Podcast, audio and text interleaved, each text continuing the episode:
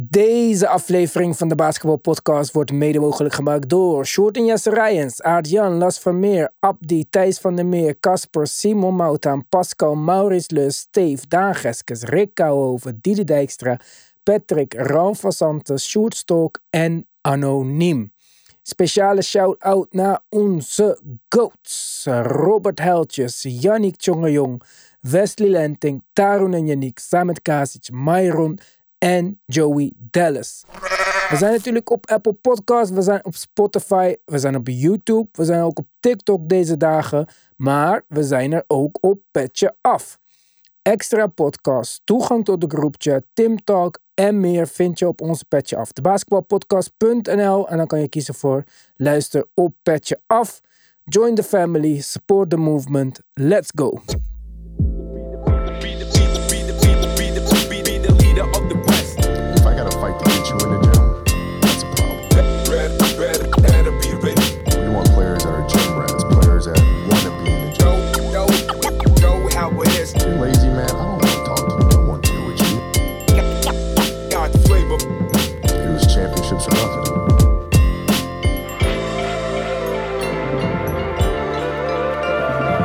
Daar zijn we weer. Na een rustige nacht. Door een eh, sport die er niet toe doet. In ieder geval niet in deze podcast. Basketbal staat op het programma voor vanavond. Groot nieuws voor afgelopen week is natuurlijk de trade deadline. Hebben we een live uitzending over gemaakt. Ga die bekijken op YouTube als je dat nog niet hebt gedaan.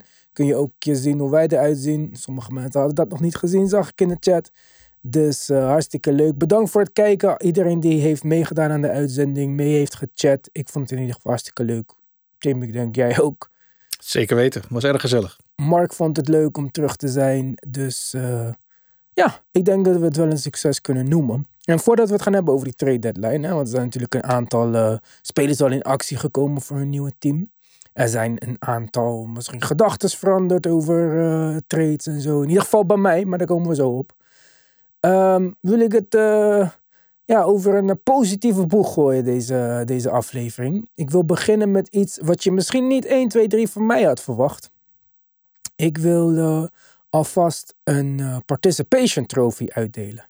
Iets waar ik fel op tegen ben. Ik vind dat iedereen eh, onder druk moet staan om constant maar te presteren. Nee, grapje. Maar ja, ik heb niet zoveel met participation trophies. En ook niet met de speler aan wie ik deze ga uitreiken. Maar ik vind dat hij iets heeft gedaan wat heel lang heeft ontbroken in de NBA. En dat is namelijk meedoen aan de dankwedstrijd. Jalen Brown. Wat mij betreft mag jij hem nu al die trofee geven. echt, nee, ik meen dit echt serieus. Ja, Hij is ja, de ja, eerste All-Star, zelfs ook maar in de buurt van All-Star spelen in, speler in jaren die hier aan meedoet. Heel leuk, Jacob Toppin. Heel leuk met McClung. En wie is de derde? Ik ben hem al vergeten. Ja, ik ook. Eh eh Het is Gakas. Ha, oh ja, oké. nou, die, die vind ik nog Die is wel, wel eh, ja. Ja. Maar Jalen Brown is by far de grootste naam die meedoet aan het dunk contest. En niet van dit jaar, maar van misschien wel de laatste tien jaar. Dus eh, niet mijn speler, maar ik applaudiseer deze move.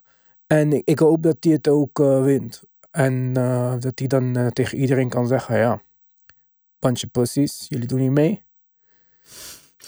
Ja, nou, het, de ervaring leert volgens mij wel een beetje dat goed voorbeeld doet volgen in de NBA. Dus het is inderdaad altijd een beetje wachten tot in dit geval een naam van All-Star zich eh, aan die dunk contest eh, verbindt. Dus laten we hopen dat dit in, nou ja, ook weer een voorbeeld zal zijn de komende jaren waarbij dit soort type spelers zich gewoon opgeven. Ja, ik vind het ook hartstikke leuk. En ik denk ook oprecht dat hij niet voor spek en bodem meedoet. Dit is, eh, dat Nee, we. We hebben, we hebben niet. dunks gezien. Ja. Dit is geen dit is geen speler die meedoet om zijn naam. Hij kan, hij kan echt goed dunken. Het is echt een eh, atletische speler. Ja, want het, eh, het was een tijdje al niet zo denderend. Maar dat we nu heel veel G-League spelers en two-way contracts laten meedoen. Ja, dat, dat zegt eigenlijk al genoeg.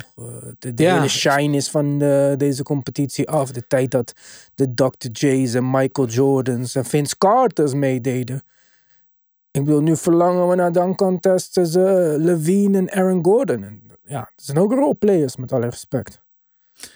Zeker. En zelfs, uh, zelfs daarmee heeft de Dunk Contest moeite om, om die binnen te halen, die spelers. Dus je ziet wel echt dat het de afgelopen jaren armoedroef is. En ik denk dat, het, dat dit soort namen wel goed, goed kan gebruiken. Ik ben op zich niet zo tegen specialisten. En dat dat misschien roleplayers zijn, vind ik ook nog tot daar aan toe. Maar ik vind wel dat er een soort balans in moet zitten tussen de, de grotere namen. Dus de jongens waarvan we weten dat ze goed leuk kunnen dunken. Maar ook echt wel een beetje aanzien hebben, als ik het zo mag noemen. Dus in dit geval de Jalen Browns. En dan uh, zou je er, zoals we in het verleden een Gerald Green hadden. Of jongens waarvan je echt weet dat zijn specialisten. Prima. Dat, ik bedoel, dat maakt wat mij betreft het beste competitie. Ja, en ja, nou ja, dat vind ik ook. En die roleplayer specialist die jij noemt. Oké, als het een beetje gevestigde namen roleplayer zijn, dan kan, vind ik. Bijvoorbeeld als zou een Rui Hachimura meedoen. Niet dat ik wil dat hij meedoet, zo, maar gewoon dan zou ik nog denken: oké, ja, die naam heb ik wel uh, regelmatig mm -hmm. gehoord. Interessant als hij dit zou kunnen winnen. Maar met alle respect, G-League spelers, er is een G-League nee. All-Star Game. Dan moet je lekker daar gaan uh, doen. Ja. En anders, ja, skip gewoon dan uh, hele NBA-vereisten. En neem gewoon de beste dankers op de wereld of zo. Als we toch over die boeg gaan gooien. Zeg. Ja, er zijn gewoon professionele dankers. Dus uh, pak dan, uh, ga dan uit, die, uit dat circuit putten. Dan hebben we tenminste nog kwaliteit waar echt niemand aan kan tippen. Ja, dus dat. Um, trade deadline, Tim. Ja. Overal las ik New York heeft de trade deadline gewonnen. New York dit, New York dat, New York zus, New York zo. Nou, ik heb niet veel basketbal gekeken de afgelopen dagen. Dat moet ik eerlijk toegeven. Ik heb vandaag hoop teruggekeken. Maar Indiana tegen de Knicks heb ik wel gezien. Ja. Tot, uh, tot Alec Burks uh, meer dan vijf minuten ging spelen. En toen uh, vond ik het welletjes geweest.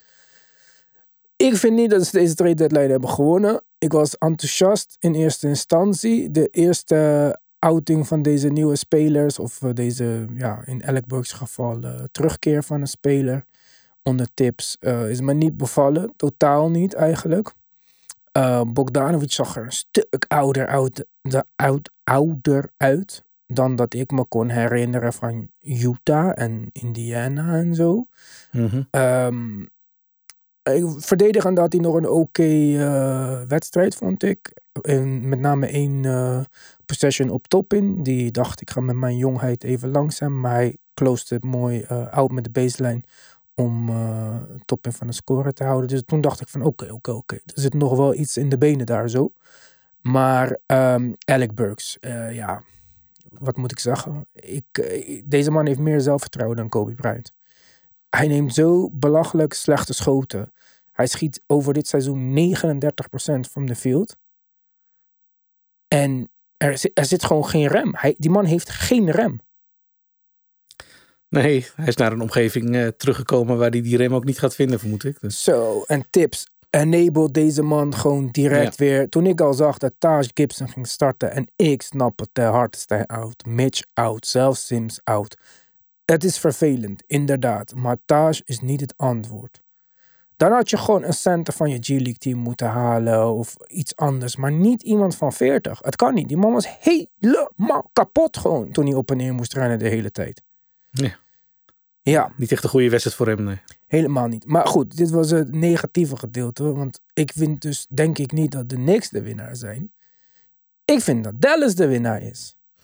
Want, als je afgaat. Afgaat op de eerste wedstrijd wel, ja. Ja, maar niet alleen op de eerste wedstrijd. Gewoon als we het goed bekijken. Kijk, wat de Knicks hebben gedaan en wat ik ook negatief vond aan wat ze hebben gedaan dit jaar, is dat ze al hun jonge talenten hebben uh, weggetraind. En dat heeft ze eigenlijk van een gemixt jong, aan de jonge kant team, een middle-aged team gemaakt. In NBA-termen dan in ieder geval. Um, is dat goed of niet? Niet per se goed, niet per se slecht. Uh, de sterren zijn nog jong genoeg om een aantal jaren te pieken, zeg maar. Dus het, het is geen man overboord. Maar uh, en het is ook geen tijdlijn die echt opge... Speed wordt. Ja, ja, opgespeed is. Ja, Nederlands blijft lastig. Maar um, het is ook niet dat je zegt van... Stel je voor dat dit mislukt. Stel je voor dat uh, Jalen Brunson hetzelfde lot krijgt als Isaiah Thomas of zo. En dat uh, Randall weer vervalt in zijn oude patronen. Wat is er dan nog over, zeg maar? Want dan zijn die picks die je wil gaan gebruiken voor een move, die zijn er niet meer. En er zijn geen jonge spelers meer op het roster. Er is geen Quickly meer, er is geen Grimes meer. Er is, er is niemand meer die zich kan ontpoppen tot iemand die het voort kan zetten. Of een plan B. De Knicks hebben één plan. Plan A. Dallas. Dallas treedt voor twee spelers in de age range van ja, aan de jonge kant van hun sterren ook, zeg maar. Pitcher Washington zal ongeveer even oud zijn, denk ik. Ik weet echt niet, maar ongeveer even oud denk ik als Luca. En Gafford is Ja. natuurlijk wel wat ouder, maar is nog steeds een, eh, een jongere speler. Ehm, ze hebben voor twee jonge spelers getraind. Beide die ehm, een hele grote need vervullen in het team, zeg maar. En extra insurance zijn op dat wat ze al wisten, dat werkt.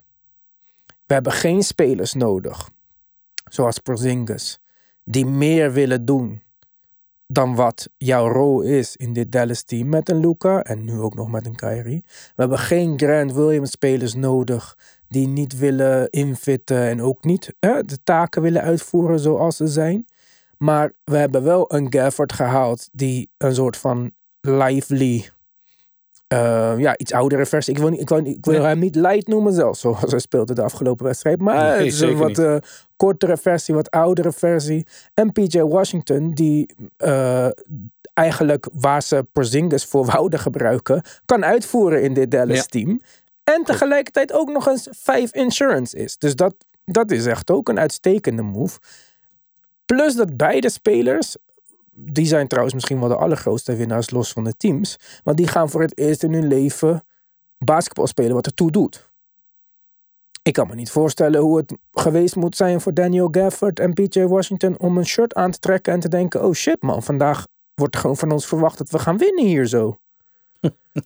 Ja, dat zal de grootste aanpassing zijn. Ja, die mannen hebben Ja. jarenlang op de kalender gekeken. Dacht, oh, nog 30 wedstrijden heb ik zomer.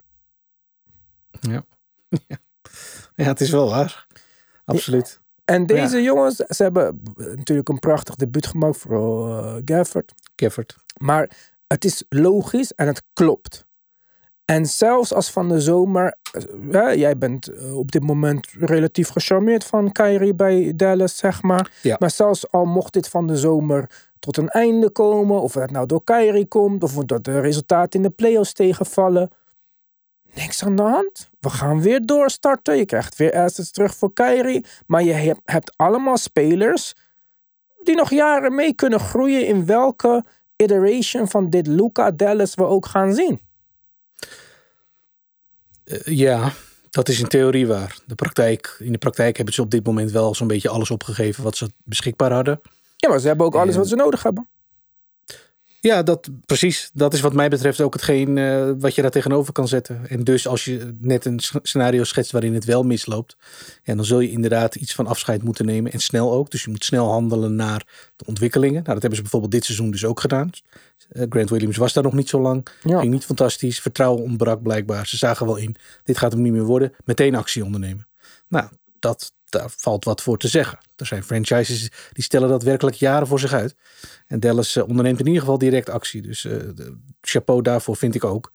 En ja, het probleem is alleen eh, inderdaad wat als het niet goed gaat. En hoe ziet dan de toekomst eruit? Want je hebt niet veel meer op terug te vallen anders dan wat er eventueel zou terugkomen voor een speler waar je dan afscheid van neemt.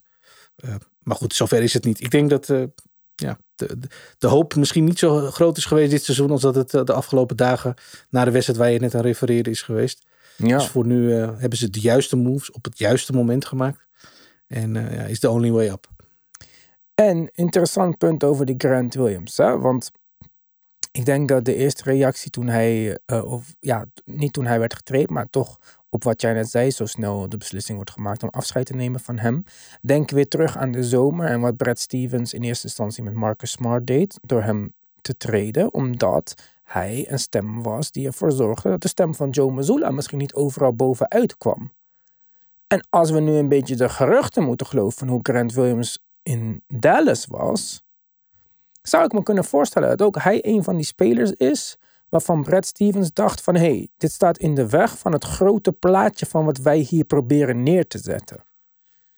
Ja, Grant Williams eh, lijkt zich een beetje te profileren als een speler die een grotere stem heeft, dus nadrukkelijker aanwezig is, dan dat zijn rol eigenlijk zou moeten zijn. En bij teams die eh, heel erg aan het winnen zijn, hè, voorbeelden Celtics, voorbeelden Mavericks, die in ieder geval dezelfde ambities hebben, eh, wordt dat gewoon niet getrokken. Dat, Ja. En als je dan blijkbaar of een Kyrie of een Luca hebt die ook zoiets heeft van nou, nou, nou, kan allemaal een tandje minder. Ja, dan, eh, dan val je snel uit, de, uit, eh, nou ja, uit het gezelschap zou je bijna willen zeggen. Want het leek op een gegeven moment ook een kwestie van gebrek aan vertrouwen te worden. En als, als je dat ziet op het veld, moet je heel snel ingrijpen. Ja, want het kan niet zo zijn dat ofwel Luca of Kyrie niet voldoende vertrouwen in teamgenoten hebben. Want ja, dan hoor je niet op het, spel, op, op het veld te staan. Ja, dat denk ik ook. En ehm, ja, zo, zoals ik al zei over eh PJ en Daniel Gafford. Daniel Gafford speelt natuurlijk ook al heel lang voor een losing team. Maar ik had nou niet per se het idee van hem dat hij losing wel prima vond. In tegenstelling tot bijvoorbeeld een Kuzma, waarin ook eerdere interesse was vanuit Dallas. En dan denk ik dat vooral hè, het twee in plaats van één gedeelte, maar ook deze twee spelers een veel betere move zijn dan wat ze hadden kunnen doen met eh Kuzma halen. Ja, het risico is misschien groter geweest. Dat spreid je natuurlijk nu. En je haalt twee jongens binnen. Dat vind ik altijd hele belangrijke gegevens. Die eh, en eh, qua leeftijd kloppen. En allebei nog aan het begin van hun contracten staan. Dus die je nog voor jaren hebt vastliggen. Tegen hele goede eh, bedragen. Ja, en waarvoor het beide.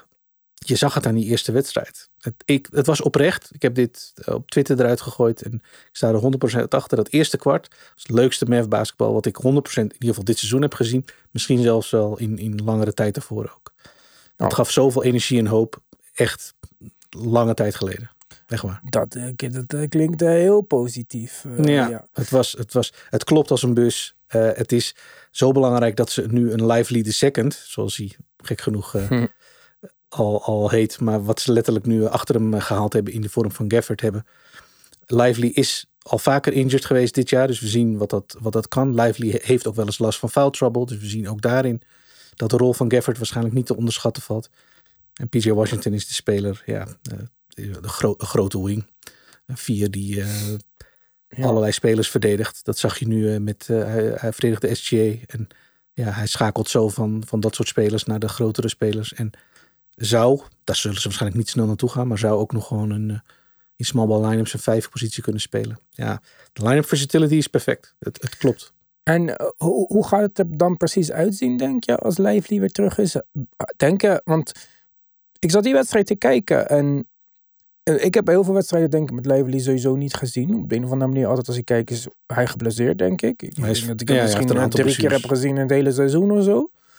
Nee, maar dat, dat komt omdat ik niet alle wedstrijden kijk van Dallas. Ja, logisch. Dus Het kan ik, gebeuren, ik snap ja. dat hij er aanzienlijk veel meer heeft gespeeld. Maar is het misschien niet een idee om gewoon Gafford te starten boven Lively? Ik denk het niet. Ik denk dat er hem, eh, als ik de berichten mag geloven, ook al wel duidelijk gemaakt is dat hij in principe backup is van Lively. Eh, maar dat daarin eh, voldoende kansen schuil gaan.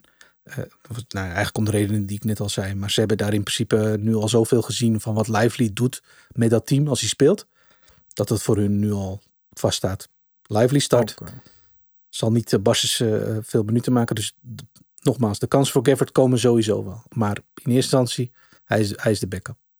Oké, nou ja, fair enough. Ik dacht misschien... eh, Als je naar het debuut kijkt, weet je niet wat je gezien hebt. Dan zou je zeggen, eh, start ja, ook. En, om eh, dat de druk wat te verlagen misschien.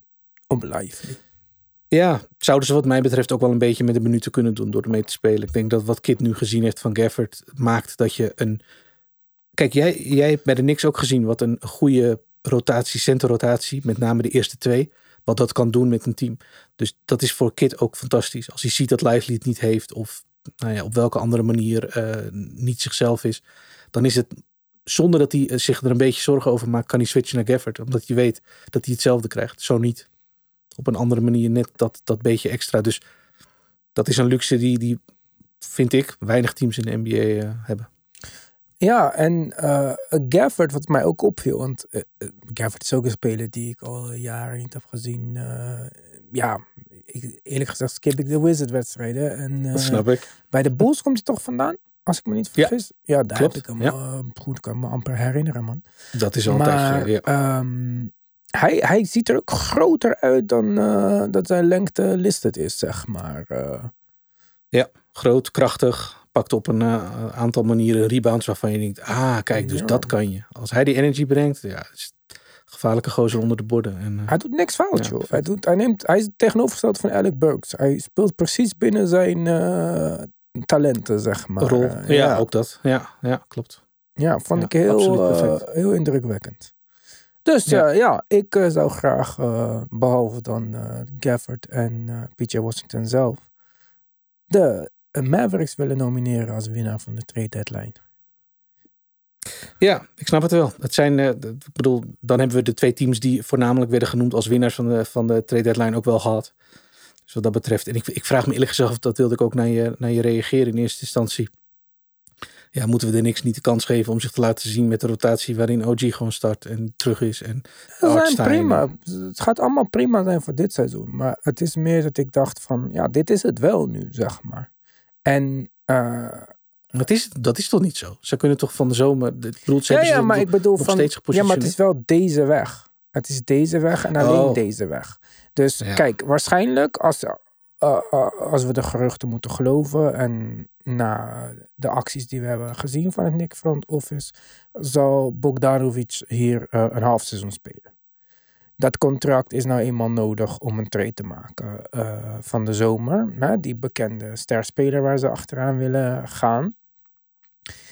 Ja, wie dat ook eh, precies mag worden, daar, daar zijn contracten voor nodig om voor hem te treden. Niks hebben niet opeens cap space of zo. Zij hebben gewoon een, een volle, ja, een volle salaris eh, bill.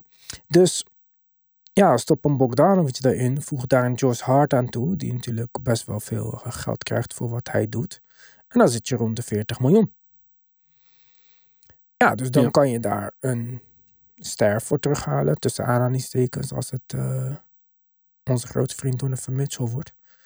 Maar ja, man, ja, wie dan allemaal? Het is niet echt zo, eh, zo duidelijk. Kijk, een Dejante is dus niet wat zij op het oog hebben, zeg maar. Voor de Knicks lijkt het in ieder geval zo dat het echt is dat er nu een 1 bij komt. Niet één positie, maar gewoon de nummer 1 speler op de Knicks, zeg maar. Of een, misschien een 1A-B situatie met Ja, Jalen oké. Brunson. Maar wat ze dus zoeken is een ster. Ja. Dus een eh, Devin Booker, mocht die beschikbaar eh, worden. Nee, mensen zien Donovan Mitchell op die manier. Ik niet. Maar dus niet de DeJounte Murray's. En ik denk eerlijk gezegd niet dat die beschikbaar is. Maar ook niet een Mikael Bridges of zo. Ik denk zelfs niet een Ingram.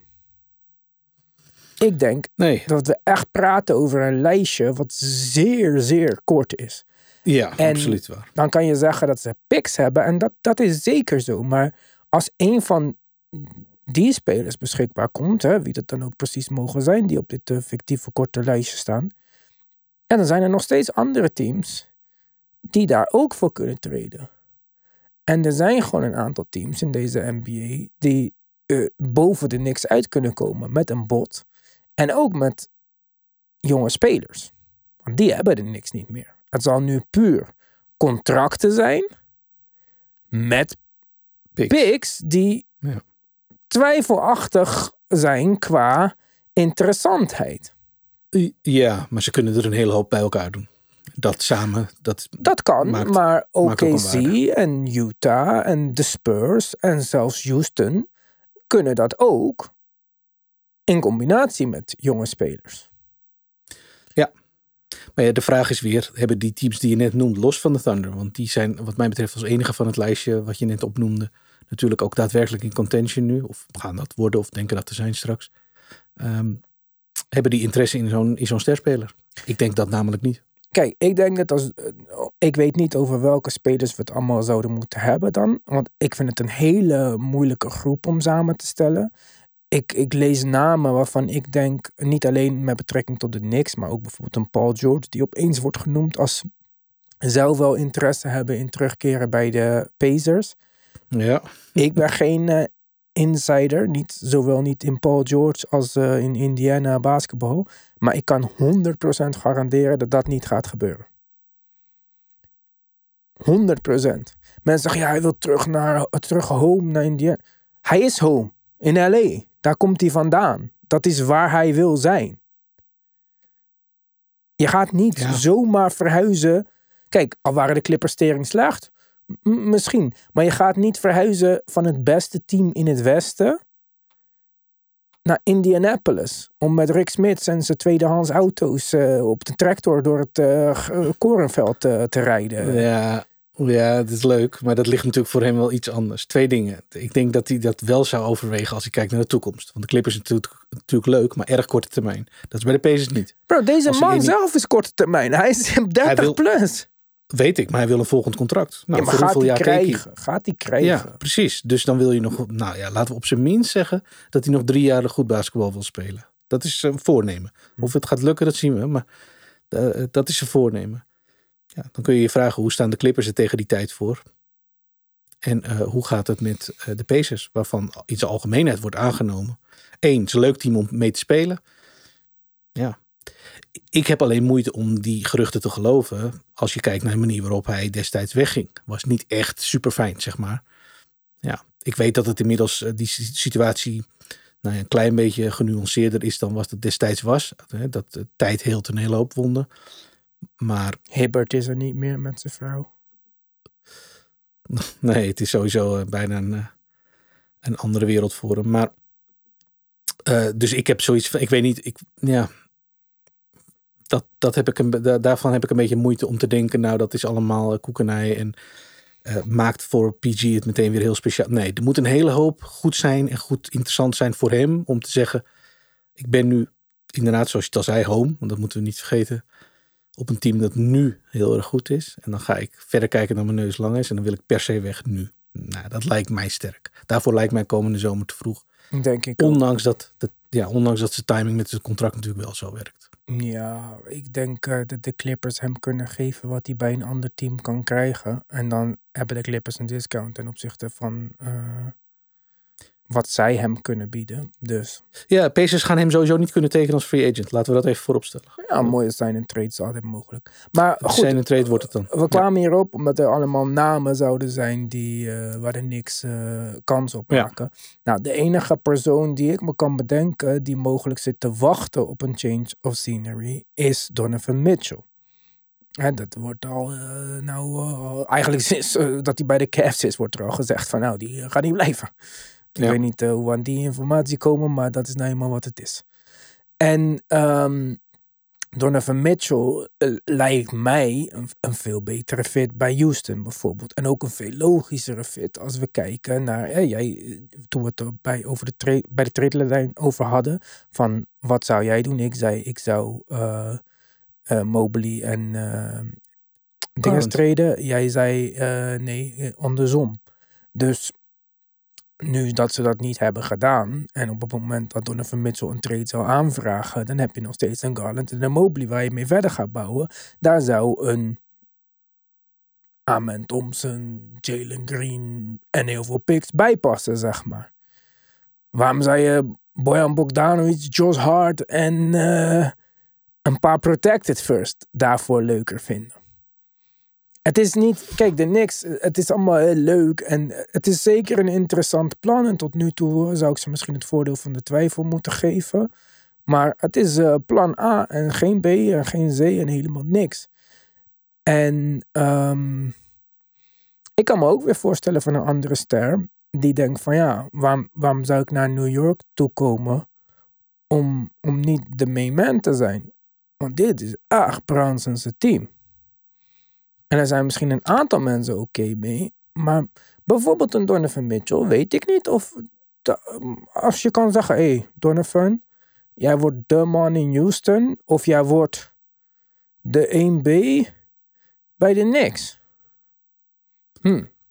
Ja, kijk, hij Nou vindt ja, New ik- York leuk. Maar hm, als je het gewoon even als twee neutrale steden zou zien. Waarom zou Ja. dat willen? Nou ja, true. Ik bekijk het eigenlijk nog vanuit een kant waarin ik denk als de Knicks zo openlijk adverteren. En uiteraard komt dit niet bij zichzelf vandaan, maar de berichten zijn niet nieuw. Dat ze op zoek zijn naar een ster. Ja, hoeveel Jalen Brunson zich dan, als die zich de laatste maanden met name heeft, echt heeft ontpopt als de ster in New York. Ik bedoel, er is niemand die dat meer ontkent. Ja, kijk, ik Ja. denk dat die communicatie Moet hij straks de wel bal goed- gaan afgeven? Ja, nee, dat denk ik ook niet. En ik denk dat die communicatie op zich wel goed zit. Eh, tussen hem en eh, Leon Rose en zo, die connectie, daar, Mhm. daar is zoveel getemperd. Dat, eh, Ja. dat is bekend. Maar de- Jalen Brunson was gewoon bij Jimmy Fallon laatst. Hè. Ze proberen achterster van hem te maken. Klopt. Dus ik Ja. weet niet welke basketballer voor het laatst daar was. Ik kan me niet herinneren. Nee, Maar ehm, nee, ja. Ik, ik denk dat het een lastige situatie wordt. En ik denk Ja. dat daarom zeg ik van, hè, van wat is het plan als het dit jaar niks wordt? En stel je voor, kijk, het basketbal kan alle kanten op. En eh, injuries can happen, alles kan gebeuren. Dus als je dit jaar in de playoff geen grote successen haalt en van de zomer is er geen ster beschikbaar en volgend seizoen kom je toevallig met een blessure van Jalen Brunson of Julius Randle. Een van die twee hoeft geblesseerd te zijn en het niks seizoen. Kijk, we zien het nu in Randle's afwezigheid. En het is gewoon klaar. We zien het in Philly. Ja, maar dus. Ja, maar kijk, Philly heeft daarna nog Maxi. Maxi is 23 of zo. Ja, maar de Knicks hebben ook twee main targets in de, in de aanval. Dus Ja, ja, maar ik bedoel maar te zeggen van elk. Bijna in, in, in de eerdere fase van het niks seizoen hadden ze. Stel je voor dat het helemaal niks zou worden. En Jalen Brunson zou weggaan, Randall zou weggaan, Mitch zou weggaan. Dan hebben we Quickly, dan hebben we Barrett, dan hebben we Grimes, dan hebben we jonge spelers. Stel je Ja. voor dat het niks wordt in Houston. En Fred van Vliet en Dylan Brooks. Nou, oké, dan starten we opnieuw en dan hebben we weer jonge spelers. De Pacers zijn helemaal jong. Eh, eh, de Clippers hebben dus ook die. Clippers, niks, die zitten in hetzelfde schuitje. Het is dit of dat was Bucks. het, zeg maar. De Bucks, idem dito. De Lakers. Maar Ivan, dat is toch eigenlijk inherent aan een topploeg zijn. Dat je op een gegeven moment volle bak de, Maar ben je een dan- topploeg? nou, de, de stand en de manier waarop gespeeld wordt zegt van wel. Ja, momenteel. Maar dat is Ja, wel een dit- moment. Maar daarom zeg ik van, is, was dit... Ik denk, ik heb het al een paar keer gezegd. Ik had liever een paar van die picks zien gaan. Dan alle jonge spelers. Ja, Want dan had je, dan, kijk, die ster van de zomer had dan maar daar die jonge spelers voor opgegeven. Maar De enige- en ze hebben nog laag verkocht ook op al hun jonge spelers. dat, zeg maar. ja daar, precies. Als je daarop inzoomt, daar zou je dan nog een discussie over kunnen voeren. Maar het feit dat een team inderdaad het, vooral met het hier en nu bezig is. Ik denk dat we momenteel maar één team hebben. eh, waarbij we altijd een discussie hebben gehad over hoe zit het met de huidige generatie en de volgende. En het gat daartussen misschien wel, waarvan we nu zien, nou, misschien wordt die enigszins opgevuld. Ja, dat zijn de Warriors. Ja, ja. De rest van de teams die goed zijn, zien een championship window, nou, het bekende fenomeen in de NBA, en gaan al in. En hebben dus een probleem als dat mislukt of derailed of op welke manier ook niet slaagt. Dan moet je opnieuw beginnen, maar dan heb je geen doorstroom. Nou, dan eh, zullen Boston fans voor de tweede keer vandaag blij worden met mij. We hadden het eh, eh, Isaiah Thomas Boston team met Al Horford en eh, Ja. Avery Bradley en Jay Crowder en wie was er nog meer daar? Ja, dat was een team wat de Eastern Conference Finals haalde. En daar kwam al een snelle doorstroom. Ze hebben natuurlijk goed gedraft. Ze hadden die twee jonge wings. En daar Marcus Ja. Smart en dit. Marcus Smart werd starter. En zo bewogen door, zeg maar. En nu zijn ze nog eh, van een zo jonge leeftijd dat het voorlopig nog niet fout kan gaan. Zolang Tatum eh, niet een eh, carrière eindigende blessure oploopt of zo. Maar in principe vind ik dat een, een mooiere beeld. En bij Golden State, ja, ze hebben heel erg fout gedraft met eh Wiseman. Als ze Lamello toen hadden gedraft, ook al ben ik geen fan van Lamello, dan zag de toekomst er nu alweer anders uit. Want dan zou je denken van oké, nou, we rijden nou met deze drie en ze stoppen. Gaan we verder met, Wi- met eh, Lamello en eh Kuminga en eh, weet ik veel. Ja, Dus ja maar wat, dat, wat de Celtics gedaan hebben is natuurlijk uniek geweest. Dat is, dat is mijn maar punt. dat, gebeurt zou bijna moeten. nooit. eh, eh, ja, maar dat. Oké, dat gebeurt bijna nooit. Maar dat, dat zou moeten gebeuren. Ja, ja, ja, ik vind dat moeilijk. Ehm, Kijk, zoals OKC op zich nu bouwt, gelijk. gaat het dezelfde kant op. ja, maar die hebben, die, hebben, die hebben daar de bodem voor onder zich vandaan geschoven. Twee jaar. Ja, OKC Om te komen waar ze nu zijn. Dat wil ik ook nog even zeggen voordat ik het vergeet. Ik vind die Sam Presti echt een nare man. Weet je dat? Hoezo? Hoezo? Nee, dus Mitchell mag niet komen. Drie jaar lang naar de NBA. Want hij had die buitenlanddeal. Hij is gedraft, gestashed. Als hij wil komen, dan heeft het team wat jou heeft gedraft altijd de eerste keuze. En ehm, hij wou komen en zij kunnen hem dat niet verbieden, want ze moeten hem dan ook een contract geven op dat moment. Maar zeiden telkens, je mag komen wat je wil, maar je gaat niet spelen. Ja, dan ga je ook niet komen, zeg maar. En dan komt hij eindelijk, doet hij het nog relatief goed. Hij is geen Theodosic of zo, dat echt blijkt dat het verschil in spelen groot is en dat de kans daar niet is. Hij speelt heel erg goed, zelfs zo goed misschien zelfs wel dat hij wat meer speeltijd zou verdienen. En bij de eerste mogelijkheid shippen ze hem uh, out of town. Ja, hij, eh, hij tekende zo'n contract wat heel erg... eh, En, en hij heeft vervolgens een career high in points, assists en minutes. In zijn eerste wedstrijd bij de Hornets. Ja, maar en eh, kijk, hij heeft natuurlijk al getraind voor El Horford om hem vervolgens niet te spelen. Hij heeft getraind voor Kemba om hem echt een schandalige buy-out te geven. Hij, Kemba heeft heel veel geld ingeleverd toen, omdat hij ook zei van ja, je gaat niet spelen hier. Eh, nou ja, Chris Paul heeft hij dan eh, gespeeld en dat heeft hem nog wat opgeleverd ook. Maar deze man is echt een, eh, deze is echt een ijskoude businessman. De, de mensen die met hem ge- de- gedeeld hebben... en Volgens mij hebben Kemba laatst ook erg positief over zijn ervaringen rondom Sam Presti. Ondanks dat die beperkt waren eh, gesproken. Van ja, de man is natuurlijk een en al business. Maar schijnt... Ja, ik moet afgaan op de paar berichten die ik daarover gelezen heb. Wel, wel eh, niet, nou ja, in ieder geval niet verkeerd zijn om mee te werken. Laat ik het dan zo maar noemen. Deze Ja. met Misic, ben ik met je eens, verdient op, op afstand verdient niet, niet de schoonheidsprijs. Ik, eh, ben het, eh, ik heb mijn oog op hem eh, gericht. Ja, maar ik zou, eh, hou je ogen ook even op Misic, want die gaat volgens mij leuke dingen doen in Charlotte, waar eh, het eh, er ook een beetje een andere wind doorheen gaat nu. Hè? Hey, Mitch Kupchak. Succesvol, nooit geweest. Maar eh, die eh, gaat de adviseur worden. Dat had van die mooie upgrades. eh, om... Ik vind het ook wel leuk. Ik zou ik, als ik een club was, zou ik ook alleen maar mensen upgraden naar adviseur. In plaats van ze ontslaan, zodat ze vervolgens ergens anders nog aan de slag kunnen op mijn kosten. Nee, blijf maar lekker hier in deze ellende. En je mag alleen niks meer beslissen. Je moet er gewoon elke Ja. keer bij zitten en toekijken. Dat is wel echt wat ze hebben gedaan eigenlijk. Hè? Maar goed, Ja, klopt. eh, nieuwe ownership heeft afscheid genomen van Terry Rozier, van Gordon Hayward. En eh, van PJ Washington natuurlijk. En nu ook dus eh, van de general manager. Nou, dat geeft mij goede hoop dat de coach van de zomer de volgende is. Want dat Ja. wordt ook aardig tijd. Ja, ze hopen voor het einde van dit reguliere seizoen, dat is een belangrijk gegeven, eh, een, een opvolger eh, in, in de vorm van een nieuwe GM aan te stellen. Die dus vervolgens het offseason in kan. Nou, dan weet je hoe laat het Ja, is. precies. En eh, ze spraken al over namen als Elton Brand en zo. En nog opvallender, ik ben zijn naam al vergeten, maar de assistent van de Brooklyn Nets. Nou, Ja, Als we- bovenaan. ergens niet naar moeten kijken, is het naar de assistent van de Brooklyn Nets. Ik weet niet of Ja, deze die- mensen basketbal kijken, maar eh, na Charlotte zou ik toch zeggen dat de Brooklyn er ook eh, aardig gaan naar de kloten. Wie, wie is de volgende? De assistent van Troy Weaver? Ze kennen, ze kennen elkaar van. eh, ze hebben allebei in het verleden bij de Hawks. Dus de, een van die twee minority owners van de Hornets, die komt bij de Hawks vandaan. Daar was hij ook. eh, Ook zo'n ander succesverhaal. Ja, nou ja, goed, daar, was, daar is Travis Slank langsgekomen en eh, nog wel meer namen. En hij was daar destijds eh, eh, ook werkzaam. Dus die twee kennen elkaar daarvan nog. Maar goed, er zijn, eh, er zijn een hele hoop namen op dat lijstje vooralsnog. Ehm ik ben heel benieuwd, want nou, zoals ik net al zei, misschien gaan we wat nieuws zien in Charlotte en gaat het eindelijk wat worden. Want deze owners schijnen wel, eh, laten we het zeggen, op de juiste manier aan te vliegen.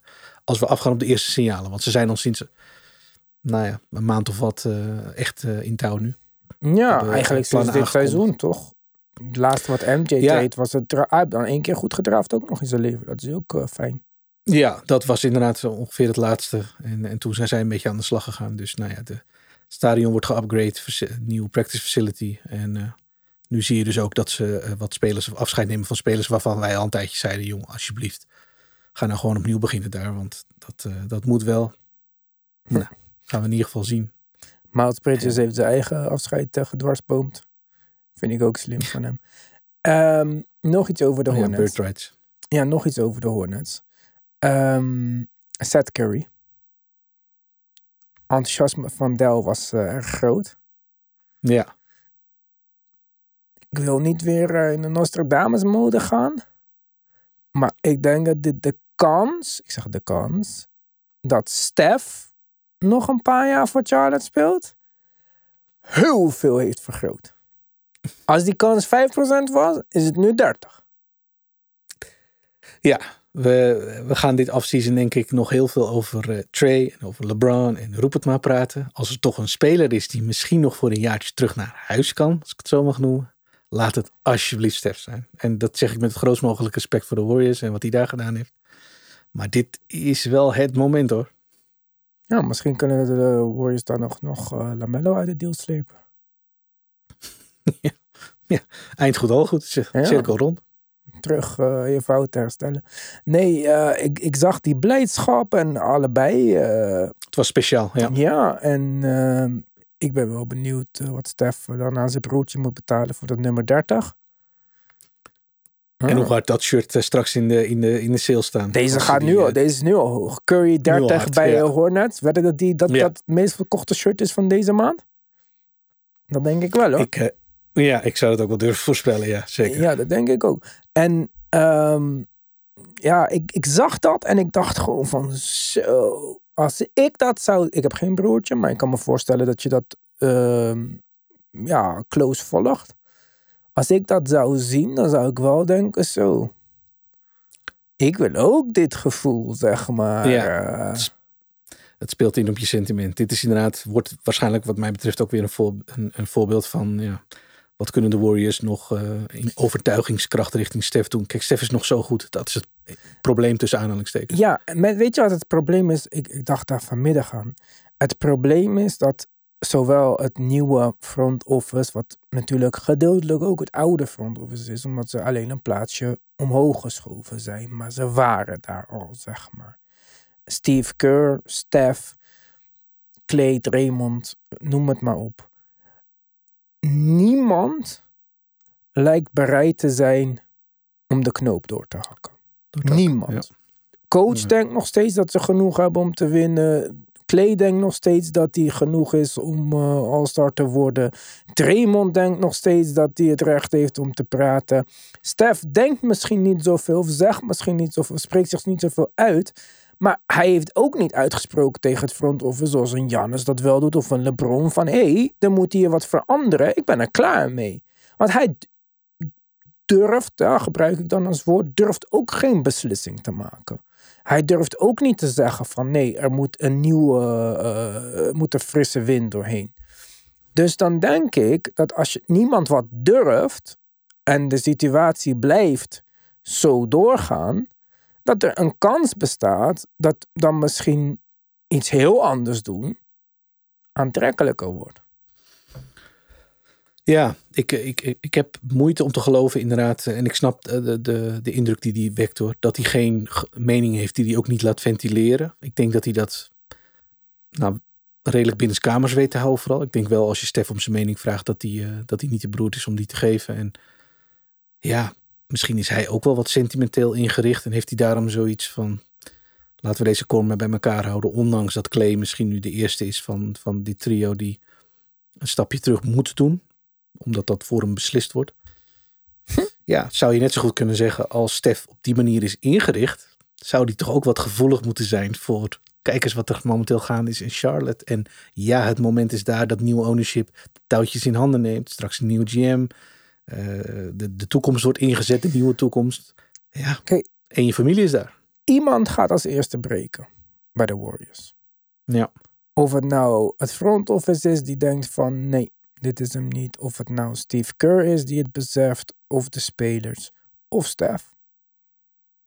En wat als van de zomer de recruiting real wordt, zeg maar. Wat als de Hornets een, la een leuk laatste gedeelte van het seizoen laten zien? Wat als Brandon Miller nog een betere tweede helft van het, zijn rookie seizoen gaat, gaat spelen? Want Brandon Miller is uh, dik op weg naar Rookie of the Year natuurlijk. Uh, Zo, die is echt goed. Ja, dus Brandon Miller ziet er goed uit. Centrotatie, als ze fit zijn, begint het er goed uit te zien.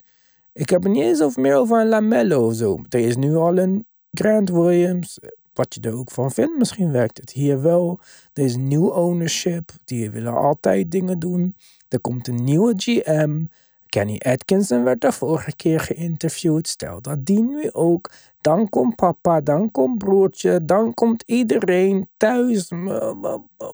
Ik vind het nogal wat hoor. het wordt op een gegeven moment uh, een optelsom. Ja. En de onzekerheid die er natuurlijk bij de Warriors is, uh, steekt daar uh, schreeuw tegen af wat mij betreft. De situatie van Kerr, situatie van nou ja, grotendeels de rest van de spelers. Welke weg wordt er ingezet? Wat is het plan voor de komende jaren? Los van deze core die, waar ze nu nog nou ja, zo aan vasthouden. Ja, ik... ja, ik, ik, het speelt ook een beetje in op mijn sentiment. Ik ben heel benieuwd wat hij hoe hij hiermee omgaat. Ik denk dat de, de, de laatste maanden van dit seizoen wel ook wel een verschil gaan maken bij hem in hoe hij daarin staat. We hebben natuurlijk fases van dit seizoen gezien waarin, hem, waarin hij ook wanhoop geleek. En ik denk uh, de laatste weken, mag ik dat noemen, gaan naar omstandigheden beter. Ja, het, zeggen, het, gaat best relatief goed. Alleen ja. ik denk gewoon dat uh, op het moment dat het besef ergens komt, en op het moment, dat, ze zullen ook aan hem vragen, wat, wil jij dat er gebeurt? Moeten we afscheid nemen van Draymond? Wil je een andere coach? Hè? Er komt een punt dat de sterspeler zulke vragen krijgt, zeg maar. En ik, ik ken Steph's karakter niet, maar als ik, het lijkt mij makkelijker dan om te zeggen van, in plaats van om te beslissen over mijn body clay, over Draymond, over Kerr, over front office dingen, in plaats van om voor andere mensen te beslissen, om gewoon voor mijzelf te beslissen en dan te zeggen van, weet je wat, um, treed mij maar in plaats van dat jullie alles om mij gaan aanpassen hier. Nou ja, weet je wat dat ook doet inderdaad? Eh, het zorgt ervoor dat je een excuus tussen aanhalingshekens hebt om te zeggen, ja. Ik wil naar een andere situatie. Want als jij dat op, het, op de familie gooit, op dat sentiment, zijn er heel weinig die daar een weerwoord tegen bieden. En wat hij misschien wil voorkomen is dat hij op een dusdanig negatieve manier weggaat of misschien Ehm, de plakpoelt, zo gezegd, dat hem dat wordt nagegeven als hij vertrekt bij de Warriors door de fans. Mm. Ondanks dat het niet terecht zou zijn, weten we met z'n allen. Tuurlijk, maar, het is misschien altijd, is hij bang dat, dat, dat, ja, dat dat wat negativiteit gaat heersen. En als hij gewoon zegt, ja, dit zijn mijn afwegingen om nu het nog kan die kant op te gaan. Ik denk dat er heel weinigen zullen zijn die zeggen, ja, dat, dat, dat nemen we je nou echt kwalijk. Dus het is de manier om misschien wel een excuus te hebben om te zeggen, uh, nu het nog kan, doe ik dat. Ja, en dan, ja, ik zeg niet dat ze bij Charlotte direct een titel gaan winnen als Steph er is. Maar ik zie de Warriors ook niet 1, 2, 3 een titel winnen. Dus je komt in dezelfde situatie. Alleen het, het privéleven uh, krijgt een upgrade dan. Ja, en, en die hele organisatie vervolgens ook. En die staat ook net aan de vooravond van, uh, nou, als ik even een beetje mag overdrijven, een nieuw begin. Ja, dat valt perfect met elkaar samen. Dat is, dat is, dat is leuk. Kunnen ze in Charlotte ook meer dan genoeg uh, gebruiken. Dus ja, heel, heel interessant. En uh, dat wordt nog maar een interessante uh, verhaallijn in de zomer, die ook interessanter is geworden doordat deze trade deadline juist ja, niet is, uh, is geworden rondom de sterspelers, wat we misschien wel hadden verwacht. Die, die, ja. die beslissingen zijn voor zich uitgesteld. Ja. Waren nog wat TikTok-vragen? Let's go. Cheersco's vraagt mening Bam Adebayo en Miami Heat en over de rest van ons seizoen. Hij is Heat-fan. Dat is voorhouder, nominatie, winnaar, award, kandidaat nummer twee. Dit is niet de eerste keer dat hij een soortgelijke vraag stelt over de Miami Heat. Um, ja, kijk, uh, die Rozier move tot nu toe is misschien nog een beetje teleurstellend. Ik, ik had daar persoonlijk ook meer van verwacht. En ik vond het ook een verstandige move. Verstandiger dan voor een grote ster gaan, zeg maar. Um, ik las zelfs uh, rond de trade deadline dat ze bereid zouden zijn om Caleb Martin te move en zo. Ja, dat, dat vond ik allemaal een beetje vreemd. Jimmy is nu afwezig omdat hij iets heeft in zijn familie waar uh, om ze respect vragen om daar niet verder op in te gaan. Dus dat gaan wij ook niet doen. Maar um, kijk, Miami is het team waar je nooit iets negatiefs over moet zeggen totdat het seizoen afgelopen is. Want keer op keer bewijzen ze het tegendeel. Alleen, ja, nu nog meer dan andere seizoenen. Ja, ik weet het gewoon niet meer. Het is, uh, ze hebben onwijs goed gedraft met de HHH. Ze hebben, naar mijn mening, een goede trade gemaakt uh, voor Terry Rozier. Die geblesseerd raakte trouwens de laatste wedstrijd. Ja, hoe lang is hij oud? Ja, dat, daar is het bericht nog even uh, wachten op. Op diezelfde wedstrijd raakte Josh Richardson geblesseerd. Ja, dat, die, een ja, dat heb ik gezien. Ja, dislocated shoulder, dus een paar weken eruit. Terry Rozier had in ieder geval veel pijn. Dat was uh, dus, het was wel even schrikken, denk ik. Dus die Heat, ja, they can catch a break, om het zo maar even te zeggen. In typical Heat fashion zou ik bijna eraan toe willen toevoegen. Dus. Ja, kijk, ik, ik, ik weet gewoon niet of dat, dat wat ze nu hebben gedaan, treden van een first round pick voor Terry Rozier en hoe tot nu toe Terry Rozier is uitgepakt, of dat nou iets is wat mij eh, vertrouwen zou geven als ik een Heat fan was, zeg maar. Dus ja, kijk. ehm, ik, Was ik- toch een speler die prima paste. ja, paste, maar tot nu toe heeft hij het ook niet zo gigantisch gedaan. Nee, maar hoe snel moeten we conclusies trekken over een speler die van... Je zei, we hebben het eerder over Ja, ja, Charlotte zei Hornets maar als ik juist iets dacht van Terry Rozier, is dat hij een immediate Zich impact... aanpassen. Ja, ik dacht Ja. juist wat hij doet, dat doet hij overal, zeg maar. En ik dacht juist dat hij misschien nog zelfs beter ging spelen, omdat ik hem bij Boston heb gezien in een soort gelijke rol. Dus ja, wat, eh, wat denk ik van de Miami Heat? Ik denk dat de Miami Heat eh, het voordeel van de twijfel verdienen. Zolang dat Pat Riley daar de scepter zwaait. Ik denk dat Jimmy eh, uitstekend in staat is om ten alle tijde die switch om te zetten. En ook dat voordeel van de twijfel zal ik hem geven totdat hij zijn pensioen aankondigt. En wat betreft Bam, ik was nooit de allergrootste Bam-fan. Maar ehm, ik, ik vind dat hij, ja, hij is sowieso altijd goed geweest. Maar ik vind dat hij dit seizoen ook echt een goed eh, seizoen heeft. Ik, ik weet niet hoe dat statistisch gezien allemaal is, want eh, zo close hou ik hem niet in de gaten. Maar ehm, ja, wat moet ik zeggen van de Heat? Dat is nooit Hoe, onderschatten. hoe moeilijker het ze gemaakt wordt in het seizoen, hoe meer er tegen zit. ja, Hoe eh, meer blessures en twijfelachtige optredens. En hoe meer vertrouwen je eigenlijk zou moeten hebben in een goede afloop. Want als er een ploeg in de NBA is die daarna kan handelen, dan zijn het de Heat wel. zij hebben het bewezen. Ze hoeven maar tiende te eindigen. Eight seed voor de playoffs is genoeg. Als ze er maar zijn. Ja. Als ze er maar zijn. Dus ja, voorlopig ga ik niks zeggen over de Heat. Rukum Peng vraagt, wat vinden jullie van Laurie Markkinen? Ja, dat eh, vind ik moeilijk. Omdat eh, bij Chicago is hij niet van de grond gekomen. Bij Cleveland heeft hij het denk ik aardig gedaan naar omstandigheden. Hij, hij speelde daar eh, ook in een andere rol natuurlijk. Had een geweldig EK. En toen kwam zijn, in het, in het verlengde daarvan, zijn ontpopping bij de Utah Jazz. Daar is hij nog steeds goed. Ehm, ja, ik- denk dat elk team wat in de toekomst met hem in verband eh, wordt gebracht, daar zou ik enthousiast over zijn. Want er zijn maar weinig teams waarvan ik zou denken, nou, daar zou Laurie Markkinen niet passen. Maar ik denk niet dat hij de eerste optie is op een heel goed team. En ik denk eerlijk gezegd ook niet dat hij de tweede optie is op een echte, echte contender. Ik denk dat we Laurie Markkinen over wat jaartjes gaan zien in de rol die Porzingis nu vervult bij de Celtics. En dan bedoel ik niet qua speelstijl, maar meer qua Qua functie. impact.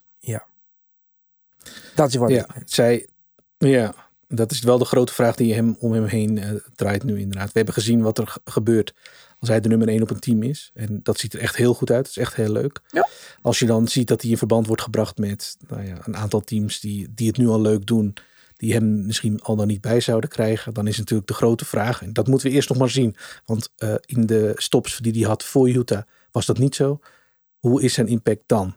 Als er gewonnen wordt en als hij niet de nummer 1 is. Daar ben ik heel benieuwd naar. Ik, ik heb er wel eh, vertrouwen in, maar ik zou het graag willen zien. Ik hoop dat het gaat gebeuren. Ik ook. En kijk, al was hij naar de Knicks gekomen, was ik enthousiast geweest. Ja, Dus het is absoluut geen speler waar ik negatief over ben of zo. Maar ik zou hem graag dat willen zien doen waar hij nu goed in is. In een omgeving waar het er meer toe doet. En dan denk ik dat je een, betere, een beter beeld kan krijgen van hoe groot zijn impact op winning is.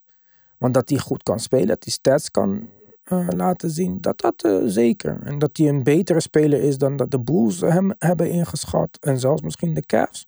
Ook zeker. ook. Ja. Dus ehm, eh, zijn carrière is ver van voorbij. Wissen als laatste. Boys, zijn de Pacers een kans hebben, hebbers voor de Eastern Conference Finals na de Siakam trade? Nou, ik denk van niet. Maar misschien moeten we deze vraag overlaten aan eh, de, de Pacer-expert onder ons. Ja, Nou ja, ze zijn in ieder geval niet eh, het team dat je daarvoor direct invult als je een lijstje maakt met uh, Eastern, Eastern Finals contenders. Maar ja, de Pacers hebben zich denk ik wel gepositioneerd als ja, gevaarlijke klant in de playoffs. Laten we het zo maar even noemen. Ik denk ook niet dat dit het seizoen is waar ze op inzetten. Ik heb dat vaker gezegd. Dus wat mij betreft mag je met name over volgend seizoen hogere verwachtingen hebben voor, voor wat de Pacers moeten doen. Maar ja, ik zou bijna willen zeggen voor de teams die de Pacers in de eerste ronde gaan treffen. Ik ga ervan uit dat ze de playoffs halen. Dat was wat mij betreft de verwachting. Ja, uh, veel succes. Je hoort het, Wissel. Goed. Wij zijn er uh, van de week weer. Wij zijn er een petje af dan uh, van de week bedoel ik. Want de normale uitzendingen zitten er weer op. Um, als je vragen hebt, kan je die natuurlijk stellen op TikTok. Maar dat hoef ik niet extra te benadrukken, want dat wordt al gedaan. Je kunt ze ook sturen naar info at of via Twitter at of Instagram at de wil je meer van de basketbalpodcast? Wil je toegang tot de groepchat? Ga dan naar de basketbalpodcast.nl en kies voor luister op petje af.